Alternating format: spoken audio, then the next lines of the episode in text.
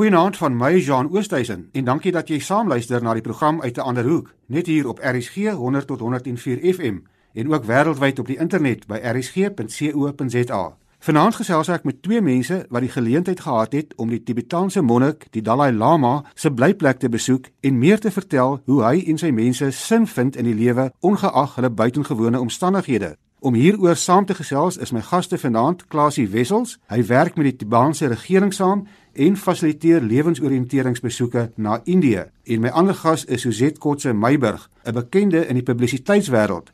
Sy is ook 'n joernalis en teksredakteur wat al amper 30 jaar in die uitgewersbedryf werk en sy is ook baie lief vir reis.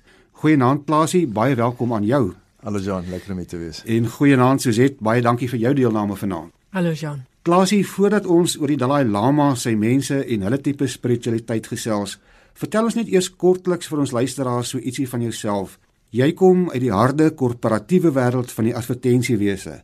Hoe gebeur dit dat iemand met jou agtergrond 'n suksesvolle loopbaan in die advertensiewêreld vaarwelroep en 'n geestelike gids of eintlik 'n soort van 'n pelgrimsreisiger word? Jania, dankie. Ja, ek was 25 jaar by 'n baie groot reklameagentskap in die naam van FCB dit ons het uh, lekker groot rekeninge hanteer daai tyd Toyota en Vodacom en FNB en so aan.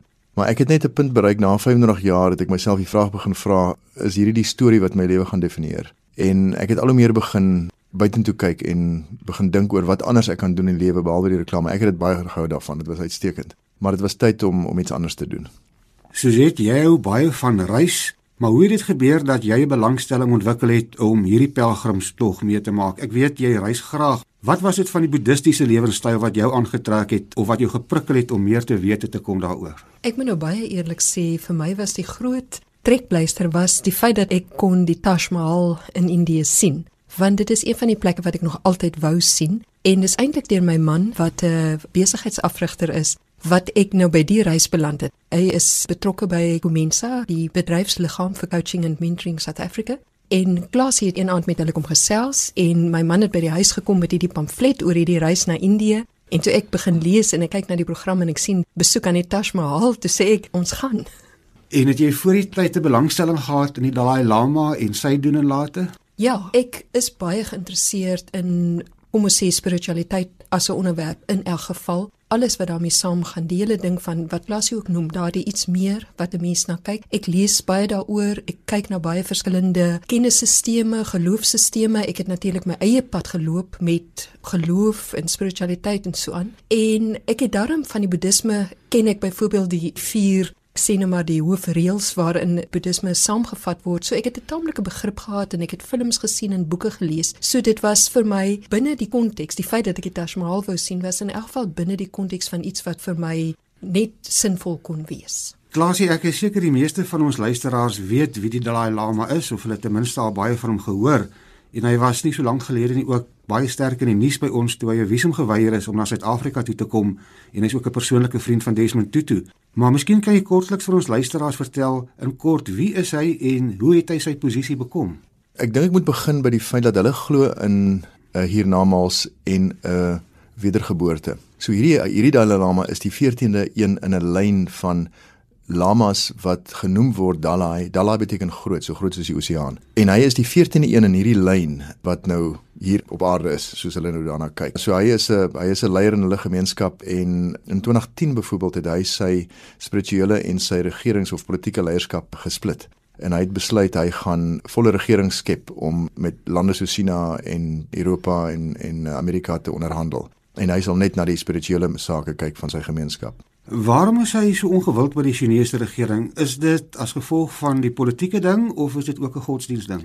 Dis 'n kombinasie van goed. Uh, Tibet as 'n land, net om jou perspektief te gee, Tibet as 'n land is amper so groot soos Wes-Europa. Dis 'n baie baie baie baie groot land. En daar's net 6 miljoen mense wat daar bly of gebly het. Europa het omtrent 600 miljoen mense. Nou hierdie land sit op 'n plek op 'n kaart wat meeste mense nie mooi weet waar dit is nie. China het hierdie land gevat in 1959 offisieel het hulle ingestap basies oor 'n oor 'n tydperk van 10 jaar Mao Zedong en hulle die land oorgeneem en Amerika en Rusland en die res van die wêreld was besig met ander politieke dit was die koue oorlog tyd uh, niemand het eintlik geweet van hierdie ding nie niemand het aangegee aan nie en China het basies daar ingewils in die plek gevat. Hulle het gevat vir water al die riviere in Asië, van Pakistan, Indië, Myanmar, China self, al die hoofriviere van Asië kom uit die Tibetan Plateau uit. Die Tibetan Plateau word genoem die derde pool. En China weet dat die volgende oorlog in hierdie wêreld gaan nie gaan oor olie nie, dit gaan gaan oor water. Maar dit ook Tibet gevat vir minerale. Daar is meer as 3000 aktiewe mynkontrakte wat uitgevoer word op die Tibetan Plateau. So 2 jaar terug het die Indiese eerste minister vir die eerste keer kommentaar gelewer oor die effek van die Chinese aktiwiteite op die Tibetan Plateau op die monsoon in Indië wat in die suide van die Himalajas is. So China het dit gevat oor die oor water, oor minerale en spasie. En is die Dalai Lama al sedert 1959 in ballingskap? Ja, hy het gevlug. Hy was ek dink hy was om by 15 toe hy moes gaan onderhandel vir die toekoms van Tibet met die regering van China. En blykbaar by 'n ete het Mao Zedong 'n opmerking gemaak wat sê Eh, spiritualiteit is gif vir die menslike brein. En hy besef dit gaan ons gaan hierdie ding ons gaan hier vorentoe kan boer met met met hierdie mense nie. En toe sy mense om oortuig om te ontsnap en hy het in 1959 offisieel ontsnap na Indië toe. Indië het hulle 'n stukkie grond gegee aan die suidekant van van die Himalajas en so wat 80000 mense het saam met hom ontsnap oor 'n tydperk van omtrent 2 weke. Suzette, jy het nou nou gesê jy wil eintlik die Taj Mahal gaan sien dit in Indië en toe land jy daar by Dharamsala in Punjab waar die Dalai Lama is. Was dit min of meer soos wat jy dit verwag het en of was jy verras toe jy daar gekom het? Wat was jou indrukke gewees? Wat hierdie reis vir my gegee het is blootstelling asof ek Tibet kon besoek. En ek dink omdat dit die Chinese regering in Tibet is so onderdrukkend nou en hulle raak al erger. Ons het amper die geleentheid gehad om in Dharamsala meer te, uh, van 'n Tibetaanse ervaring te hê omdat dit nie die heeltyd so beperk word nie. Klasie, wanneer was jou eerste besoek na Dharamsala en wat was dit wat jou daarin getrek het? Jean, hierdie ding het so 'n bietjie van 'n van 'n storie. Dit was in 2012. Uh, eh, maar toe ek nou weg is by my reklameagentskap Pos, het ek begin om mense ontwikkeling te doen in 'n uh, eksperiensiële omgewing. Ek wou mense op 'n eksterne reis vat wat 'n interne reis reflekteer. So dit is 'n baie ongewone eksterne omgewing om 'n baie diep meningsbetekenisvolle interne verandering teweeg te bring. En ek het eers gegaan na ek het eers 'n paar skoolstudente gevat na 'n uh, slum toe in Delhi. Maar wat ek gemis het is 'n is die spirituele dimensie. En een van my dogters het daai Desember vakansie vir my gesê, "Maar wat van die Tibetans? Hulle bly die Tibetane, hulle bly daar in Dharamsala." Suzette, jy is baie lief vir reis en jy het nou-nou verwys na jou eie spirituele reis. Was hierdie reis Dharamsala toe vir jou ook 'n spirituele reis? Jy weet dis eintlik so gewoon en so uitsonderlik soos wat 'n mens elke dag is. Jy dis nie 'n mountaintop experience noodwendig gewees nie, maar ek dink so met die jare leer 'n mens ook dat ware spiritualiteit is juis nie 'n mountaintop experience nie. Dit is juis net die alledaagse van daar's 'n pragtige, ek dink is die Tibetanese gesegde van fetch water chop wood.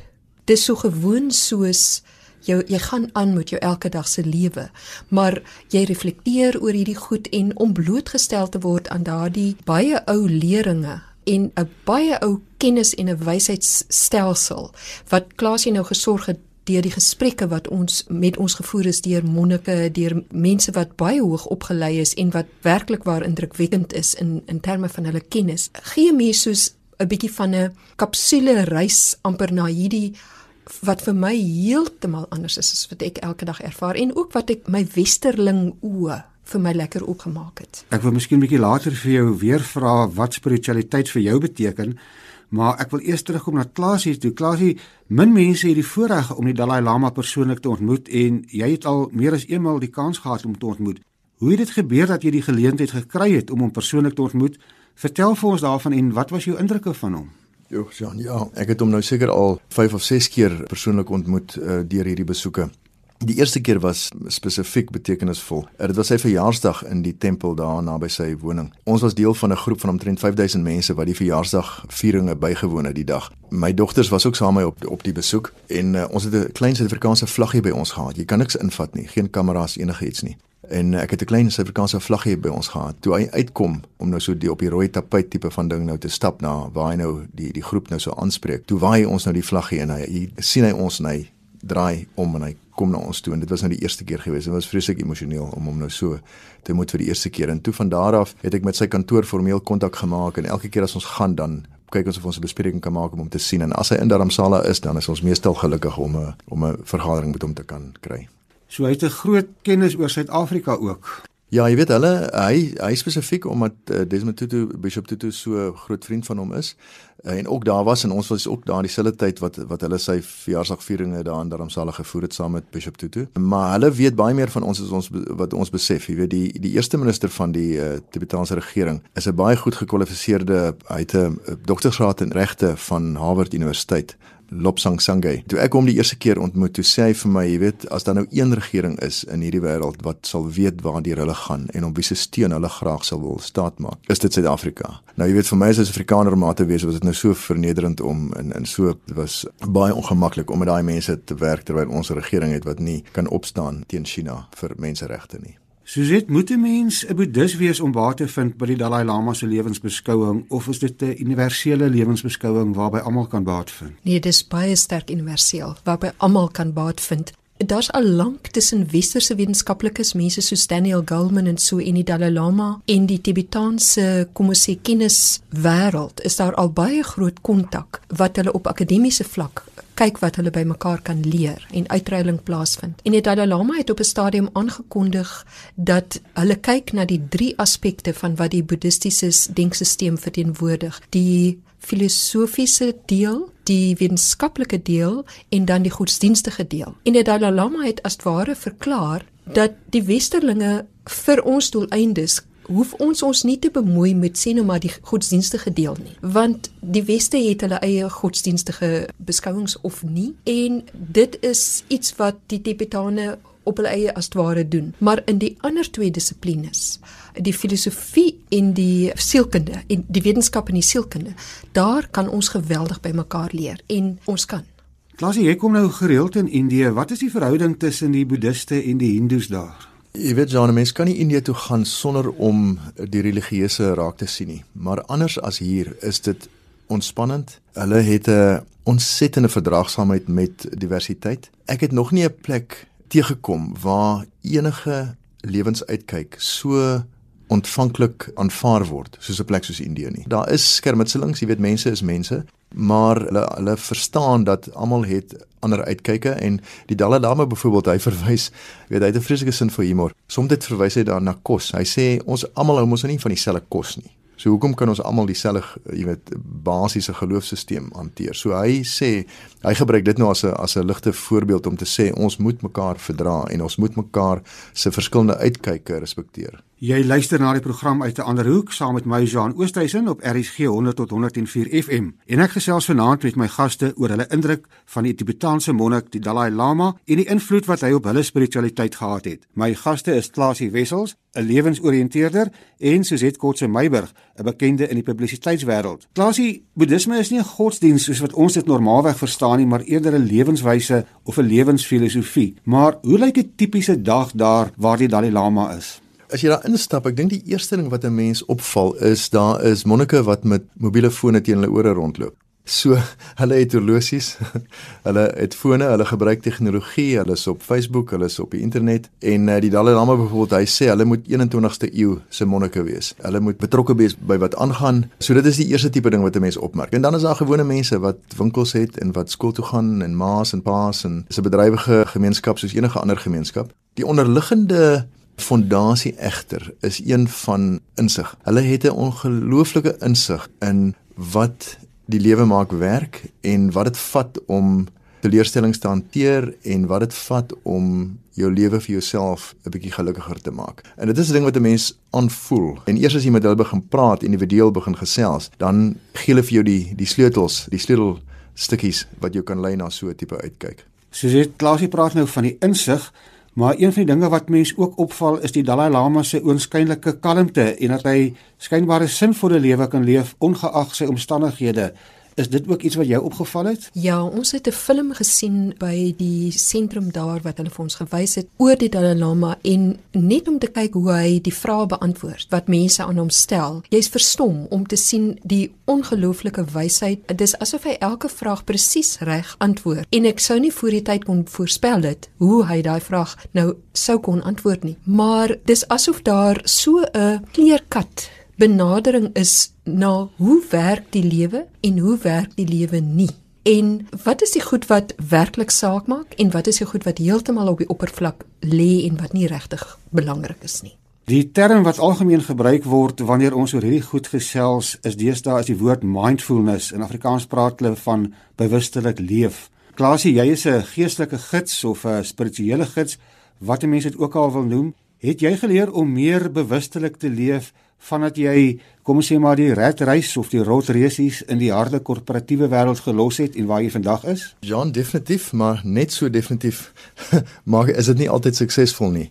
Jy weet, mense is maar mense en jy weet, mense emosies kan met jouself weghardloop, maar hulle gee vir 'n mens 'n baie goeie riglyn of riglyne van hoe om jou bewustheid 'n bietjie beter te beheer. Uh, jy weet as ons nou praat van hulle praat van mind. As ons nou praat van bewustheid, kan ons weer daarna verwys miskien as gewete, maar dit het negatiewe konnotasies. Maar vir hulle gaan dit als oor hoe om jou denke en denkproses te beheer sodat jy in beheer is van jou denkproses. Jy is nie jou denkproses nie. En soms verwar ons onsself en ons identifiseer onsself so sterk met ons eie denke dat ons dink ons denke en ons is dieselfde ding, maar ons is nie ons het denke en ons dink dinge en ons kan beheer.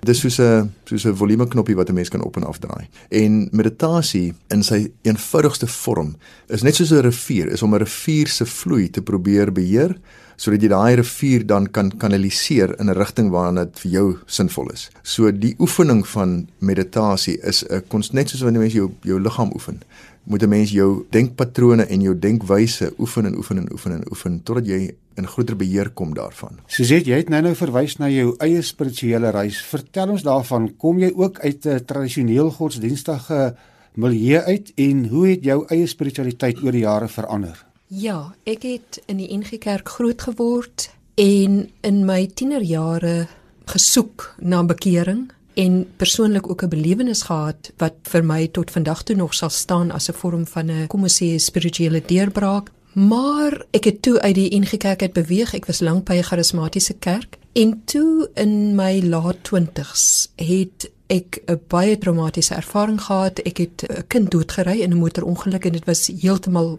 buite my beheer. Dit was uit en uit 'n ongeluk, maar die impak wat dit op my lewe gehad het was enorm. En ek het my geloof wat ek aangewoond was en wat geweldig sterk in my lewe aan vasgehou het, het ek begin verloor om dit so te stel. En alles wat vir my sekerhede was, het net weggesyfer oor 'n tydperk van 'n paar jaar. Ek het nie meer kerk toe gegaan nie, ek het nie meer Bybel gelees en gebid nie. En ek moes deur daai tydperk gaan wat intussen moes ek dan iets nuuts daarin ontwikkel. En sedertdien wil ek soms maar ek wil nie eens regtig daaraan dink om te sê dat ek meer in die rigting van spiritualiteit beweeg het nie want ek ek besef net al hoe meer dat 'n mens nie regtig kan ken nie. En veral nie moet probeer of vir myself moet probeer om dit te konkretiseer nie. So ek gaan maar aan van dag tot dag en ek lees en ek dink en ek het vir 'n klompie jare yoga gedoen waar ek asemhalingsoefeninge geleer het en toe ek nou die yoga opgehou daarmee in 2010, het ek nog steeds aangehou om die asemhaling te doen en dit doen ek tot vandag toe nog. En na die, ons besoek aan Dharamsala, ek het soms as ek baie lui en dan los ek dit, maar toe het ek besluit, hulle lê geweldig klem op dissipline.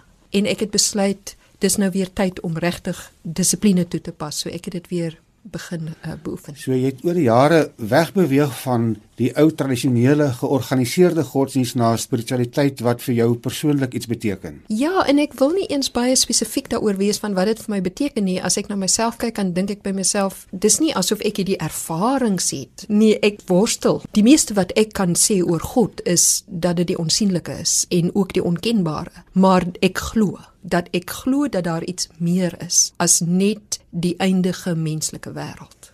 Met ander woorde, jy praat van 'n misterie waarvan ons eintlik niks weet nie. Ja. Klasie, jou eie spiritualiteit het dit ook verander oor die jare en veral vandat jy moet sê nou maar die boeddhistiese lewenstyl onder andere in aanraking gekom het? Uh, Jean, absoluut. Ek wil net voor ek voor ek my persoonlike antwoord gee, een van die dinge wat die Tibetane baie vinnig vir jou sal sê is, hulle sal hulle gebruik 'n sê ding, hulle sê moenie enige ding glo wat jy hoor nie jy moet analiseer, jy moet dink daaroor en jy moet jy moet vir jouself besluit of jy dink dis die waarheid of nie. So dit's 'n baie konfronterende houding wat hulle hierdie tema mee begin. So vir myself, uh, ook soos jy het in gekerk groot geword, Afrikaans, Pretoria, daai tipe van ding, maar ook my pad so 'n bietjie verloor en want daar's 'n paar dinge wat ek nie verstaan nie en dit maak nie vir my sin nie. En ek het net besluit wel ek gaan nie dit glo as dit nie vir my sin maak nie. Jy weet, byvoorbeeld, alhoewel ek glo dat Jesus geleef het en baie van die dinge gedoen het wat hy gedoen het meer as nog ooit tevore, is daar 'n paar dinge wat ek nie mooi kan glo nie. So die ek is nie 'n boeddhis nie, ek volg nie boeddhistiese geloof nie, maar hulle filosofie het my baie verder gevat om te probeer om 'n beter mens te wees. Want as jy nou dink, wat is die doel van geloof? Weet terwyl ons hier is, die doel van geloof vir my persoonlik, ek praat vir myself, is om myself 'n beter mens te maak en om die wêreld om my 'n beter wêreld te probeer maak. En ek hoef nie 'n gelowige mens te wees om 'n goeie mens te wees nie. Of ek nou gelowig is of nie, bepaal nie of ek 'n goeie mens is of nie. So ek uh, resoneer met baie van hierdie filosofiese uitkyke As ek nou na julle luister dan klink dit vir my julle het al twee wegbeweeg van die ou voorskriftelike tipe dogmas waarmee ons groot geword het en meer iets gevind waarmee julle julleself tuis voel. In die tye wat ek my geloof verloor het, ek was at sea. Ek moes myself heroriënteer ten opsigte van my hele lewensuitkyk. Het ek werk gelees van M Scott Peck waar hy of dan nou skrywers se werk gevat het en hy het gepraat van the four stages of religion. Beginnende by eerste oor die algemeen is die mens wat sy eie hoogste gesag is. En hy sê die uiteinde van so 'n lewe is gewoonlik jy beland maklik in die tronk, want jy besluit ek wil nou dit doen of ek wil nie dit doen of ek is kwaad vir jou, ek maak jou dood, dan gaan mense van daai stadium gewoonlik oor na georganiseerde godsdiens. En dan dien dit hulle vir 'n tydperk. En die volgende stadium oor die algemeen is skeptisisme of jy verloor jou geloof om een of ander rede. En die volgende fase is spiritualiteit. En hy sê ons beweeg heen en weer partykeer tussen ons herbesoek ons vorige fases. So dit het my baie gehelp om te verstaan wat wat met my gebeur het. Klasie maar boeddhisme is nie 'n godsdiens in die sin dat hulle 'n god of 'n deiteit aanbid nie, maar hulle het ook tempels en rituele. Is dit nie ook maar 'n ander vorm van 'n georganiseerde godsdiens op 'n manier nie? Baie beslis 'n deel van boeddhisme is baie georganiseerde geloof. Maar anders as die Christen geloof byvoorbeeld, glo hulle nie in 'n skeppingsgod nie. Hulle hulle glo nie die daar's 'n god wat die wêreld geskep het nie. Hulle is 'n non-theistic soos hulle dit noem. Ek wil net dit ook byvoeg. Jy weet geloof soos wat hulle vir ons wys is iets wat iemand jou geleer het. Maar spiritualiteit is iets waarmee jy gebore word. So ek is byvoorbeeld gebore in 'n Christen familie, so ek het 'n Christen geword. As ek gebore is in 'n Mohammedaanse familie, het ek heel waarskynlik 'n Mohammedaan geword. Maar spiritualiteit, 'n sin vir wat is reg en 'n sin vir wat is verkeerd en 'n gevoel dat daar meer aan die lewe is en 'n gevoel dat ek goed moet doen en dat ek 'n verantwoordelikheid het om 'n positiewe rol te speel in die wêreld. Dit is iets waarmee mense gebore word. Soos jy die woord spiritualiteit, sommige mense is baie skepties oor die woord, veral mense wat nie diep gelowig is nie. Moet mens noodwendig 'n gelowige wees om spiritueel te wees? Ek kan nogal daar by Klasie aansluit en sê dat dit amper 'n instinktiewe aspek in die mens is. Dit manifesteer ook vir verskillende mense verskillend in hulle lewe. As iemand ek wil amper sê 'n positiewe ervaring van kunstig af miskien met godsdiens gehad het, dan bly hy vir die res van sy lewe in sy godsdiens want dit is ook baie sterk aan kultuur verbind. En as iemand 'n negatiewe ervaring gehad het of die persoon se eie aard sê ek wil meer bereik of ek wil verder uitbeweeg. Ek persoonlik het byvoorbeeld die Christelike geloof as 'n baie beperkende stelsel. Ek het dit ervaar as 'n closed system. Jy mag nie goed bevraagteken nie. As die geloofs stelsel sê abortus is verkeerd, jy moet dit onderskryf of jy self ander idees daaroor het of ander gedagtes of meer genuanceerde siening het, jy het nie die vryheid om daardie siening uit te leef nie. So vir my is hierdie goed die onsigbare en die onkenlike en elke mens moet glo ek sy eie pad deur dit vind wat nie maklik is nie. Jean, kan ek aansluit by Suzet wat die gesprek om spiritualiteit vir my byvoorbeeld moeilik maak is ons bespreek dit hier as 'n konsep. Maar 'n konsep is 'n ding en dit beteken verskillende goed vir verskillende mense. As ons dit nou 'n bietjie meer vasmaak en weer konkreet maak en sê maar wat se wat is spirituele aksies? So spirituele aktiwiteite of spirituele aksies is om die Tibetans sal sê jy doen liefde. Byvoorbeeld jy maak 'n koppie tee vir iemand, jy skryf 'n briefie vir iemand, jy maak die deur oop vir iemand. Jy gee iemand 'n drukkie. Dit is deur 'n aksie, dis deur iets wat jy doen. So goed soos om jou skepende vermoëns tentoon te stel, om liefde te demonstreer. Dit is spirituele aktiwiteite. En ek dink nie 'n mens hoef 'n gelowige mens te wees om daai tipe groen te doen nie. En gelowige mense natuurlik doen dit ook. Ons tyd is verstreek en ons moet afsluit. Ek wil graag laaste vir julle 'n slotwoord vra. Klasie, wat sou jy sê in kort is die belangrikste lesse wat jy geleer het tydens jou besoeke by die Dalai Lama en sy lewenstyl en Hoe kan gewone luisteraars wat nie altyd die geleentheid het om ook daar te kom nie, baat vind by daardie lewenstyl? Jean, daar's drie goed wat onmiddellik opkom by my. Die eerste een is doen altyd net jou bes. Al is dit nie goed genoeg nie, doen net jou beste. Die tweede ding is alles gaan verby. Alles verander. Niks is permanent nie. Alles alles alles verander. En die derde ding is ons is almal gekonnekteer aan mekaar. Ons het mekaar nodig meer as wat ons besef. Niemand is regtig so alleen of so magtig as wat hulle dink hulle is nie. Jy weet daai ou met die mooi kar wat hier ek toe ook nie opry na jou toe met die fancy kar. Iemand het by hom goed gekoop, anders het hy nie daai fancy kar gery nie. Jy weet so, almal het iemand nodig. Suzette, 'n laaste woord van jou op al jou reise. Wat was die belangrikste dinge wat jy geleer het oor spiritualiteit en wat sou jy graag vir die luisteraars sê? Wat uitgestaan het van hulle benadering is wat hulle noem compassion wat soveel dinge insluit. Ek kyk om my, my hart raak al kouer. Ek begin al meer vreesagtig raak as ek kyk hoe die samelewing ontdaan raak van 'n uh, goedheid, goedgunstigheid, compassion, toleransie. En dit is goed wat ons ons oor en oor en oor moet herinner as ons nie daardie waardes erns mee maak nie en dit beginnende by myself elke liewe dag, gaan ons mekaar se kele uitdruk. Ons gaan 'n samelewing raak wat mekaar verskeur en uiteindelik gaan ons onsself verskeer want soos Klasie sê jy kan nie alleen leef nie. Ons is ons is ook trop diere so daardie waarde van compassion van hulle